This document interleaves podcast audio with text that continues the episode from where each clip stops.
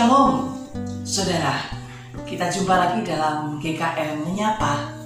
Hari ini saya ingin berbicara tentang ketakutan. Apakah saudara pernah merasa ketakutan? Atau bahkan dikuasai oleh ketakutan? Tapi mari sebelum kita akan membaca dan merenungkan firman Tuhan, mari kita berdoa. Bapa kami di dalam sorga, kami yakin kau ada di setiap situasi dan kondisi hidup kami.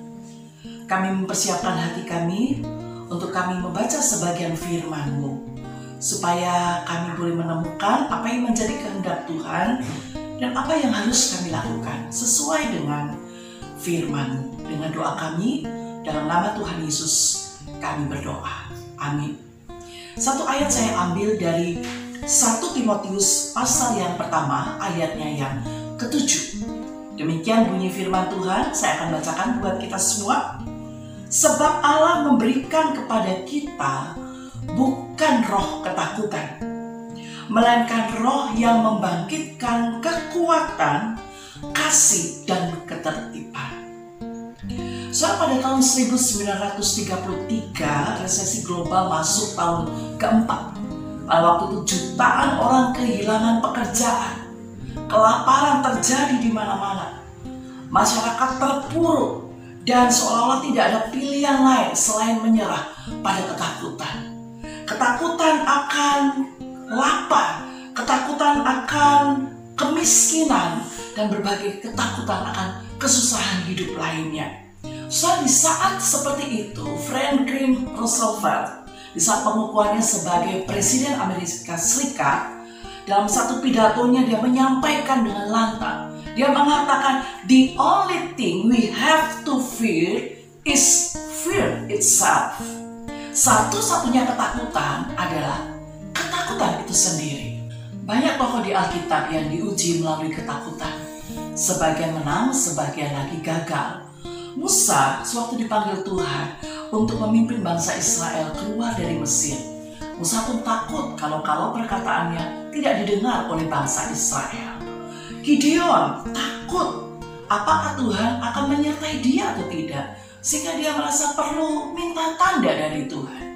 Yusuf takut ketika dia tahu bahwa Maria hamil sehingga dia bermaksud untuk menceraikannya.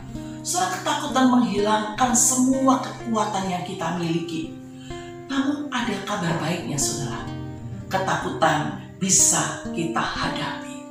Kita tahu pada akhirnya Musa Gideon dan Yusuf tidak menyerah pada ketakutan. Sebaliknya, mereka menghadapi ketakutan itu dengan kekuatan dan keberanian dari Tuhan.